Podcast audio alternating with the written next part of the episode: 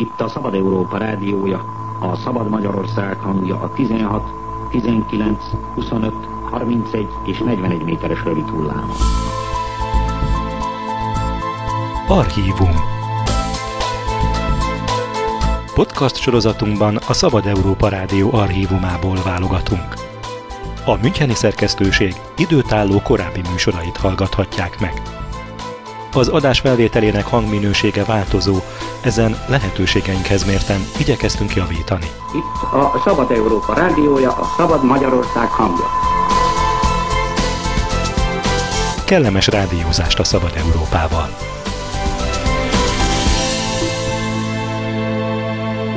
Most meghallgathatják a Szabad Európa Rádió 1991. augusztus 9-én sugárzott műsorát. Beszélgetés Solt Pállal, a legfelsőbb bíróság akkori elnökével. A riporter Kézdi Pál. A politikai rendszerváltás óta a magyar igazságszolgáltatásban is egyre mélyrehatóbb változások észlelhetők. A plurális demokrácia a hatalmiágak szétválasztásának atlanti értékei egyre kitapinthatóbbakká válnak a bíróságok, az ügyészségek tevékenységében is. Az egyik legkiemelkedőbb változásról, az alkotmánybíráskodás megjelenéséről és eddigi tevékenységéről korábbi két adásunkban már részletesen volt szó. Most a legilletékesebb, a Magyar Legfelsőbb Bíróság elnöke, dr. Solt Pál segítségével azt vesszük közelebbről szemügyre, hogy a bírói szervezet egésze, a bírói hatalom gyakorlása milyen eredményeket ért el eddig a nyugati úton haladó Magyarországon. Elég nehéz erre a kérdésre egyértelmű, vagy legalábbis rövid választ adni. A kérdésében is megfogalmazódott az, hogy a deklarálás szintjén, a jogszabályok szintjén a bíróságok függetlensége korábban is biztosítva volt. Világos ma már talán mindenki előtt, hogy milyen nagy mértékben nem valósult meg a bíróságok függetlensége. Megmondom őszintén erre személyesen elég sok ismeretem van, hiszen én ugyan ebben a pillanatban egy éve állok a legfelsőbb bíróság élén, azonban a bírósági pályafutásomat 31 évvel ezelőtt kezdtem meg bírósági fogalmazóként itt Budapesten. És egy bizonyos idő kivételével mindig is a bíróságokon dolgoztam. Az tény, hogy akik abban az időben, mint például én is a polgári jog területén dolgozva végig. Nem ismerhettem minden részletet, rengeteg olyan tény ma derül ki a bíráskodás akkori ideiről, és itt nem csak az én pályafutásom előtti 50-es éveket értem, hanem még a 60-as éveket is, mert hiszen, ha csak egy példára utaljak, az úgynevezett papi perek, tehát ő, ő, főként katolikus papok és szerzetesek elleni bűnügyek még a 60-as években tartottak, éppen a napokban fejeződött be a teljes rehabilitációs eljárása egy olyan piarista szerzetesnek, aki még 1974-ig börtönben ült. Na most ezekről a tényekről természetesen, miután ezek az ügyek legtöbbnyire úgynevezett dupla nullás, vagyis titkos ügyek voltak, nem tudtunk mi, akik a bíróságokon dolgoztunk, de persze sok mindenről igen. Nos, a bíróságok függetlensége kérdéséhez még annyit elmondok, hogy mit jelentett a nem függetlenség. Ugye ennek a legdirektebb eh, módja az volt, amikor a, már a perek, az úgynevezett koncepciós nagyperek előkészítése is már egy meghatározott célból történt, ahol már a vizsgálatnál, ahol nem egyszer szovjet eh, KGB-s tisztek irányították a kihallgatásokat, stb. Tehát ettől a legdurvább bírósági befolyásolástól, amely mellett a bíróság tulajdonképpen már csak karikatúrája maradt a bíróságnak, egészen az évek alatt kifinomodottabb módszerekig, amely jelentette például az a MSMP központi bizottságának egy olyan úgynevezett adminisztrációs és közigazgatási osztályát, amely párt szempontból felügyelte például a bíróságokat, ügyészségeket, ahol sokszor csak a telefonok működtek, és így tovább. Tehát nagyon sok formája volt az úgynevezett puha diktatúrába a puhább befolyásolásnak. De hát tudjuk, hogy a bíró bármilyen befolyásolása esetén már nem mondható független bírónak. Nos, a változás ebben a tekintetben óriási, és azt mondhatom, hogy teljes. Elsősorban van egyfajta alkotmányossági, az alkotmányban írt szabály, ami új és döntő. Arra utaltam már, hogy korábban is deklarálva volt. Azonban ma a bíróságok függetlensége deklarálása mellett az alkotmány, amely tulajdonképpen még nem teljesen új alkotmány, de a réginek már mintegy 90%-a módosítva van, az egyik rendelkezése a következőképpen szól, éppen amiről beszélünk. A bírák függetlenek, és csak a törvényeknek vannak alárendelve. Ez az a mondat, ami a korábbi alkotmányban is benne volt, de közvetlenül emögé a következő mondatot írta az országgyűlés. A bírák nem lehetnek tagjai pártnak, és politikai tevékenységet nem folytathatnak. Na most ezt én rendkívül döntőnek tartom, mert ez annak a felismerését jelenti, hogy a bírói függetlenség veszélye Magyarországon a politika irányából volt a legteljesebb.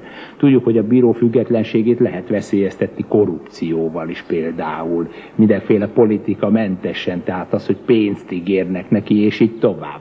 De Magyarországon a mi történelmi múltunk mellett a legsúlyosabb veszély a pártok, a politika irányából volt elképzelve.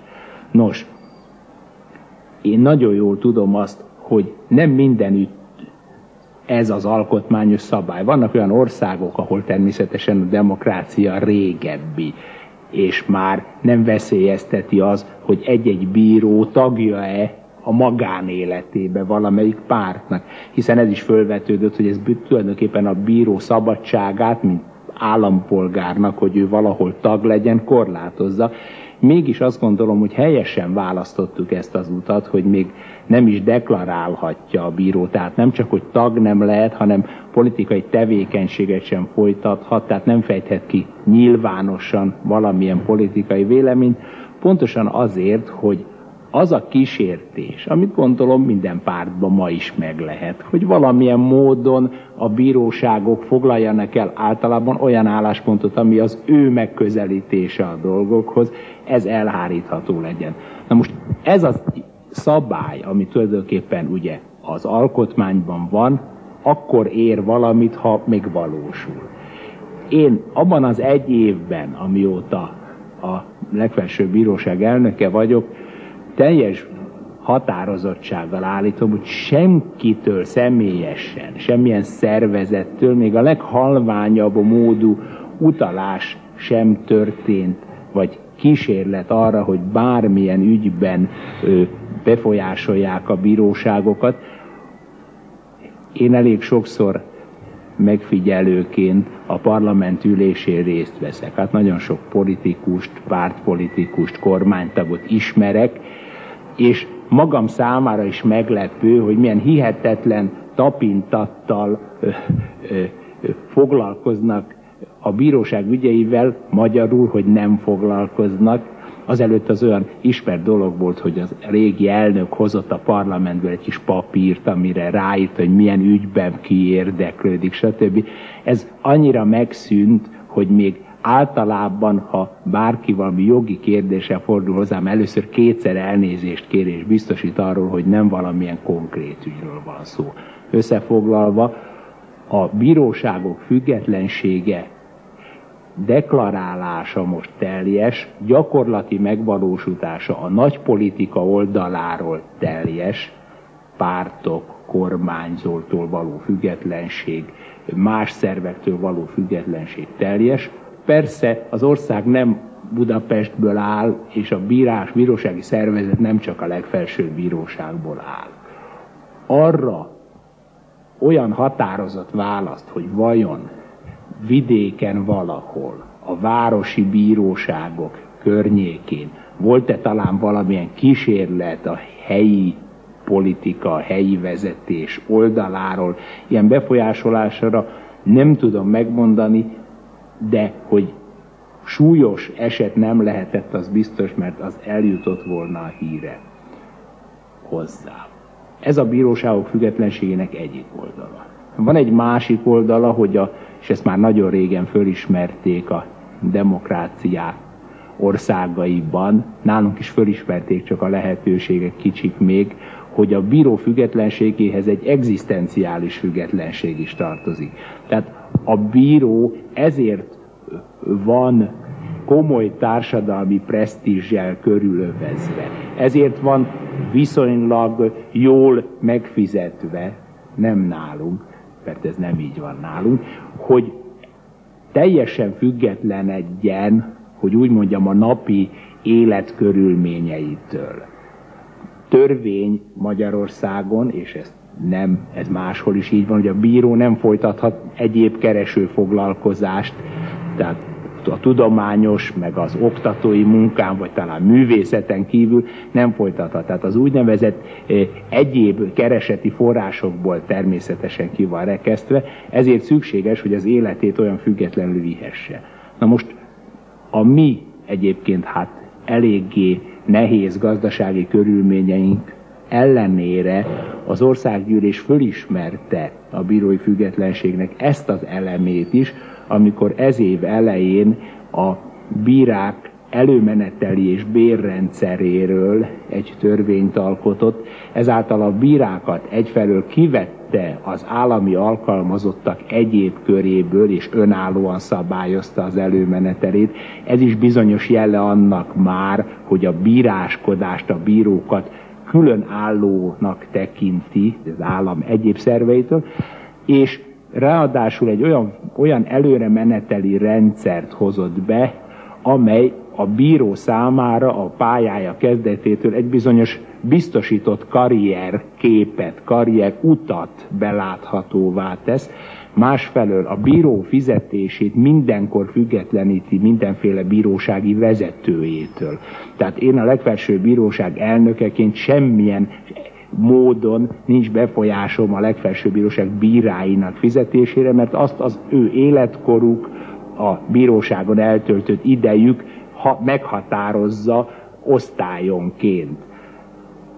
És ami persze számunkra még fontosabb, hogy nem csak egy új szisztémát, hanem egy emeltebb fizetést is biztosítottak, ami persze Magyarországon még mindig eh, sokszor nem is összevethető a, a jogi pálya úgynevezett szabadabb vonalaihoz képes, hát ez talán máshol is így van. Világos, hogy a, hogy a jól bevezetett irodával rendelkező ügyvédek eh, keresete vagy jövedelme nem hasonlíthat össze. Mégis már egy olyan komoly lépés eh, lépett előre ezáltal a vezetés, és minden egyes lépés persze vonzza a másikat. Mert ha a bírók fizetése javul, és én azt hiszem, hogy még tovább kell, hogy javuljon. Ha, a, ha a, az állásuk, az egzisztenciák biztos, akkor ez egyben azt is jelenti, hogy vonzóbbá válik a bírói pálya, vagyis szemben az elmúlt évtizedekkel, amit mi úgynevezett kontraszelekciónak neveztünk, ami a mi pályánkon azt jelenti, hogy az alacsony fizetés, a rossz munkakörülmények és a bizonytalanságok miatt inkább a gyengébb képességűek, akik máshol az akkor divatos jogi pályákon nem tudtak ezni, jutottak ide. A bíróságok függetlenségéhez az is kell, hogy függetlenül gondolkodó személyiségek legyenek a bírák, jól képzettek és lelkileg erősek, és így tovább. Ehhez hozzájárul egy lépéssel az is, hogy vonzóbbá válik a pálya. Tehát a bíró személyének a függetlensége, az ő egzisztenciális biztonsága rengeteg olyan szabály, amelyik a bíró ő, személyét védi, tehát elmozdíthatatlansága, hogy a vezető ne helyezhesse akarat ellenére ezt a egyik bírót innen, oda, még akár egy bíróság területén belül se. Mert hiszen ez, ez egyben az a hatalmas elvet, hogy senkit a bírájától nem lehet elvonni, lehetne ezt kifordítani a sarkából, mert például ha bíróság elnöke dönthetne szabadon afelett, hogy milyen ügyet kinek ad oda, akkor ebből az is következhetne, hogy ha úgy gondolja, hogy az nem fogja úgy elintézni, ahogy gondoljuk, mondjuk büntetőügyben, nem elég szigorú a bíró, akkor nem adom oda neki azt az ügyet, és így tovább. Ez is a bírói függetlenség kérdése, tehát hogy a, az ügyeket a bírák valamiféle automatizmus szerint kapják meg. Tehát, hogy sorba jön az ügy, és nem lehet elvenni, pláne nem lehet egy ügy közben elvenni. Nagyon durva példák még a legutóbbi időkben is voltak. A legutóbbi időn persze a rendszerváltás előttöt értem, de annak a vége felé, amit, ami nem volt koncepciós ügy, és nem kívülről jött, a legfelsőbb bíróságon fordult elő, és ez egy nagyon durva példa, amit tulajdonképpen kicsit fájóan mondok, de hát ez a múltunkhoz tartozik, és ezt nem szabad eltagadni, hogy volt olyan ügy, amikor a legfelsőbb bíróság úgynevezett elnökségi tanácsa az hét bíróból álló testület, amelyik a legmagasabb egyedi, egyes ügyekben eljáró legmagasabb testület járt el egy ügyben, és kialakult a döntéshez a hétből egy bizonyos szavazati arány. Egyik állásponton volt négy, a másikon három. Az eljárási törvény világosá teszi, hogy a bíróság szavazat többséggel hozza meg a döntését. Tehát ha valamelyik állásponton négy van, és egy másikon három, akkor az az álláspont lesz az ítélet, amelyiket négyen képviselik. Igen ám, de a három közé, tehát a kisebbségbe szorult az elnökségi tanács elnöke, aki annak idején a legfelsőbb bíróság elnök helyettese volt, ma már nem működik a testületbe. Nem azt csinálta, ami a törvény előírása lett volna, hogy az ő kisebbségi véleményével szemben a másikat kihirdeti, mint ítéletet, elhalasztotta a tárgyalást, föloszlatta az elnökségi tanácsot, és, ki, és összeválogatott olyan hét embert, ahol biztosítható lett, volt a többsége. Tehát ez egy legdurvább törvénysértés, tehát egy újabb elem, hogy a bírótól nem szabad az ügyet sem menet közben elvenni, sem célzatosan ráadni. Na most ezekből az elemekből, és ezeknek a gyakorlatából, és nem egy percről a másikra alakul ki talán már alakult ki alapvonájaiban az az összkép, amire én ma azt merem mondani, hogy Magyarországon a bíróságok függetlenül működnek. Elnök úr, ezzel kapcsolatban vannak szubjektív feltételek is. Ez a, aki ma legfelsőbb bíróságon választott bíró, mégiscsak reflexeiben őrzi az elmúlt rendszernek a elvárásait. Mondjuk egy olyan kérdésben, hogy amiben beleszólhat a közügyekbe, kifejezetten a politikába is a legfelsőbb bíróság egyesületi törvények lehetővé teszik, hogy bírói úton lehessen kényszeríteni például egy-egy egyesületet, vagy egy-egy pártot, szakszervezetet, hogy a az egyesületi alapszabályokat, az egyesületi demokrácia, vagy a, a, a párt eh, demokráciának a, a legfontosabb hát szabályt tartsa meg, ha ezt valamilyen szerv nem teszi meg, a pártnak egy másik csoportja eh, pert indíthat, lényegében közvetlenül is, hogy eh, beleszólhat talán a, a politikai pártok, vagy szakszervezetek, vagy egyesületeknek az életébe. Most ilyenkor nem érvényesülnek-e a régi reflexek? Ebben a kérdésben elsősorban örömmel hallom annak a felismerését, hogy ma már a pártok, egyesületek, stb. kérdéseinek is a törvényességi és jogi részét a bíróságokra bízták. Ez egy kicsit összefügg az előző kérdésére adott válaszommal, tehát tulajdonképpen folytathatom azzal, hogy annak a felismerése, hogy egyáltalán a jogilag megragadható kérdések végső elintézési formája a független bíróság lehet, amelyik az előbb elmondott módon a politikai közhatalomtól, az állam kormányzásától független, a törvényhozástól független, ez is az utóbbi évek nagy eredménye.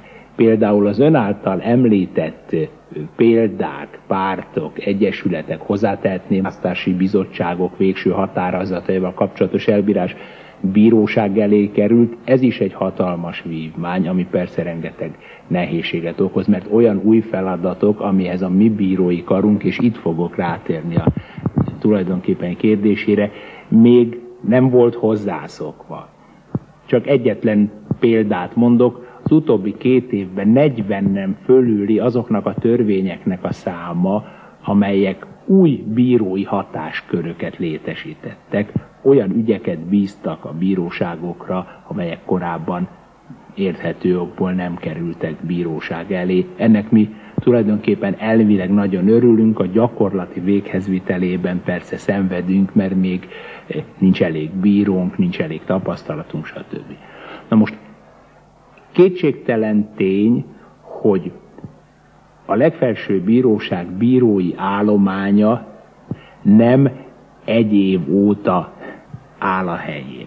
Hozzá kell tennem, hogy Magyarországon is felmerült, elméletileg felmerült a kérdés, hogy vajon a rendszerváltás igényli-e a bírói kar mai szóval itt nálunk így mondják átvilágítását, magyarul valami olyan fajta revíziót, amely megmondhatná, vagy megmondta volna, hogy te maradhatsz, te mehetsz.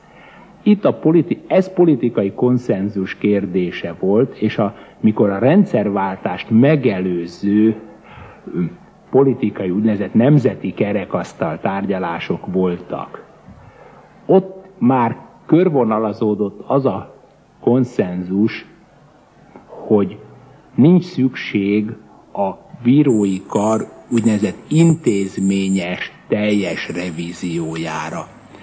Zárójelbe jegyzem meg, hogyha ma kérdezné meg a politikai közszereplőket, vagy a politikai pártokat, nem mindegyik ítélné ma ugyanígy meg a helyzetet. Tény azonban, hogy ilyen felülvizsgálat nem volt, és én ma is úgy gondolom, hogy ez helyes volt. Tehát a legfelső bíróságon ugye egyrészt már az életkori adottságok miatt is nem működnek olyan bírák, akik a legsúlyosabb időkben, most természetesen az 50-es évek bírái messze nincsenek, de amelyek az 56-os forradalom utáni repressziónak, amely, amelynek a durvasága igen szörnyű. Én mostanában a rehabilitációs eljárások fényében látom leginkább át, hogy ez milyen súlyos volt. Azt hiszem elég köztudott, hogy Magyarországon 1956-os forradalom utáni bírósági ügyekben több embert ítéltek halálra, mint háborús büntet után 1945 után a népbírósági tanácsok. Ez valami borzasztó, és ha szabad még megjegyeznem, ez az, ami olyan súlyos árnyékot vet a, leg, a mai bíráskodásra, amiért én mindig azt mondom, hogy hiába nincs közünk személyünkben hozzá, de hordozzuk ezt az árnyékot, és még évek kellenek ahhoz, amíg a népből az asszociáció kijön, hogy bíróság és bíróság az nem ugyanaz, mert hiszen azok is bírósági ítélet alapján fekszenek a Kerepesi úti 301-es parcellába, akik, akiknek a sírhelye nemzeti kegyhelyé vált, és ez egy bíró számára, számomra rendkívüli felismerés volt, és borzasztó súlyos nyomás. Nos, tehát azok a bírák természetesen 1990-ben, 91-ben már nincsenek köztünk, tehát a legsúlyosabb idők bírái. Akik a leginkább akik, akik, hát akik súlyosan kompromitálódtak,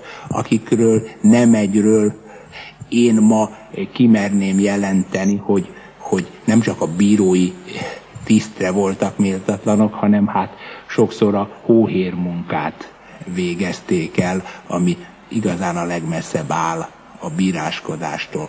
Most ezek nincsenek. Elég nagy mértékű volt a fluktuáció az utóbbi évtizedekben. Ma a legfelső bíróságon, ahol körülbelül 90 bíró van összesen, azok, akik mondjuk ebből a szempontból leginkább számításba jöhetnek, tehát mondjuk a, a büntető ügyekben eljáró bírók, mert ott a legélesebb, a, ha a bírói függetlenséget akadályozzák, vagy pláne politikai jogból megzavarják. Érdekes módon a korállománya a büntető bíróknak viszonylag a legfiatalabb. Na most természetesen azok a polgári bírák, vagy munkaügyi ítélkezők, vagy családi jogi ügyekben eljáró bírák, akik már idősebbek, azokat másképp kell megítélni. Nyilvánvaló mindenki számára, hogy egy végrendelet érvényessége a Kádár korszakban épp úgy volt elbírálva, mint ma, tehát egy átlagos pereket elbíráló bírókra eleve szó, szóba se került a felülvizsgálat. Tehát nem változott a személykör. Azonban az önkérdésében lében foglalt az a feltevés, hogy vajon régi reflexek, és ezeken nem feltétlenül a bírói függetlenséget megsértő időkre kell emlékezni, hanem egyszerűen más gondolkodás mód talán megvilágítanám, hogy talán úgy érzi, hogy most is a jelenlegi hatalomhoz húzó döntéseket várnak, nem mondják, mert függetlenek vagyunk, meg demokrácia van, de mégis azért ez az elvárás, a ki nem mondott elvárás. Igen, ez, ez jogos, mert hiszen ez a feltevés, majdnem így mondom, az általános emberi karakterre utal, hogy, hogy vajon egy ilyen gondolkodásmód kialakult-e egy olyan valódi lelki belső függetlenség, ami ő, tudja magát évtizedek rossz emlékei ellenére függetleníteni, egy, akár egy ilyen általános, ki nem mondott elvárástól, hogy hát jobb, jobb a, a, a mindenkori hatalom felé. Ezt természetesen mindenkire nézve személyesen, mint hogy ugye ilyen átvilágító képességgel nem rendelkezem, nem lehet mondani, de ahogy én vizsgálom az ítélkezésünket, például ebben a körben, amit ön említett, társadalmi szervezetek, pártok, egyesületek törvényességének felülvizsgálata, ahol nagyon szerencsésen friss szemű viszonylag fiatal bíráink vannak, akiknek ez, úgy, ez a fajta fertőzöttsége is a legkisebb. Úgy látom, hogy ilyennek nincs nyoma. Na, az elnök szerepe, ha egyáltalán van, éppen ebben áll, miután az elnöknek semmiféle befolyása nincs az ügyek egyedi elbírálására. Ezt is meg lehetett volna említeni már a legelső válaszomban, hogy a bíróságok függetlenségének az is egy garanciája, hogy a, hogy a saját elnöknek sincs semmiféle beleszólása az ügyek elbírálásába, tehát ez nálunk egész evidens. Én magam az elnökségem előtt egy körülbelül háromnegyed évig az alkotmánybíróság tagja voltam, de azt megelőzően meg tíz évig itt a legfelsőbb bíróságon találmányi ügyekkel, szerzői jogi ügyekkel, egyáltalán a szellemi tulajdonnal kapcsolatos ügyekkel foglalkoztam. Tehát számomra egész világos, hogy milyen lehet egy bírónak és az elnöknek a viszonya. Amiben nagyon komoly szerepe lehet az elnöknek pont az, hogy figyelje a már meghozott ítéletek ismeretében, hogy nem mutatkoznak-e esetleg ilyen tendenciák, mert hiszen a ítélkezés tendenciáinak vizsgálata egyrészt az egész legfelsőbb bíróság feladata, mert a legfelsőbb bíróság az alkotmány értelmében elvi irányítást gyakorol az ország valamennyi bírósága felett. Itt belül pedig a vezetőknek kell a jogegység szempontjából, meg a tendenciák szempontjából megvizsgálni, hogy ilyenek van nekem. A Szabad Európa Rádió 1991. augusztus 9-én sugárzott műsorát hallották. A riporter Kézdipál volt. A beszélgetés második részét következő epizódunkban hallhatják.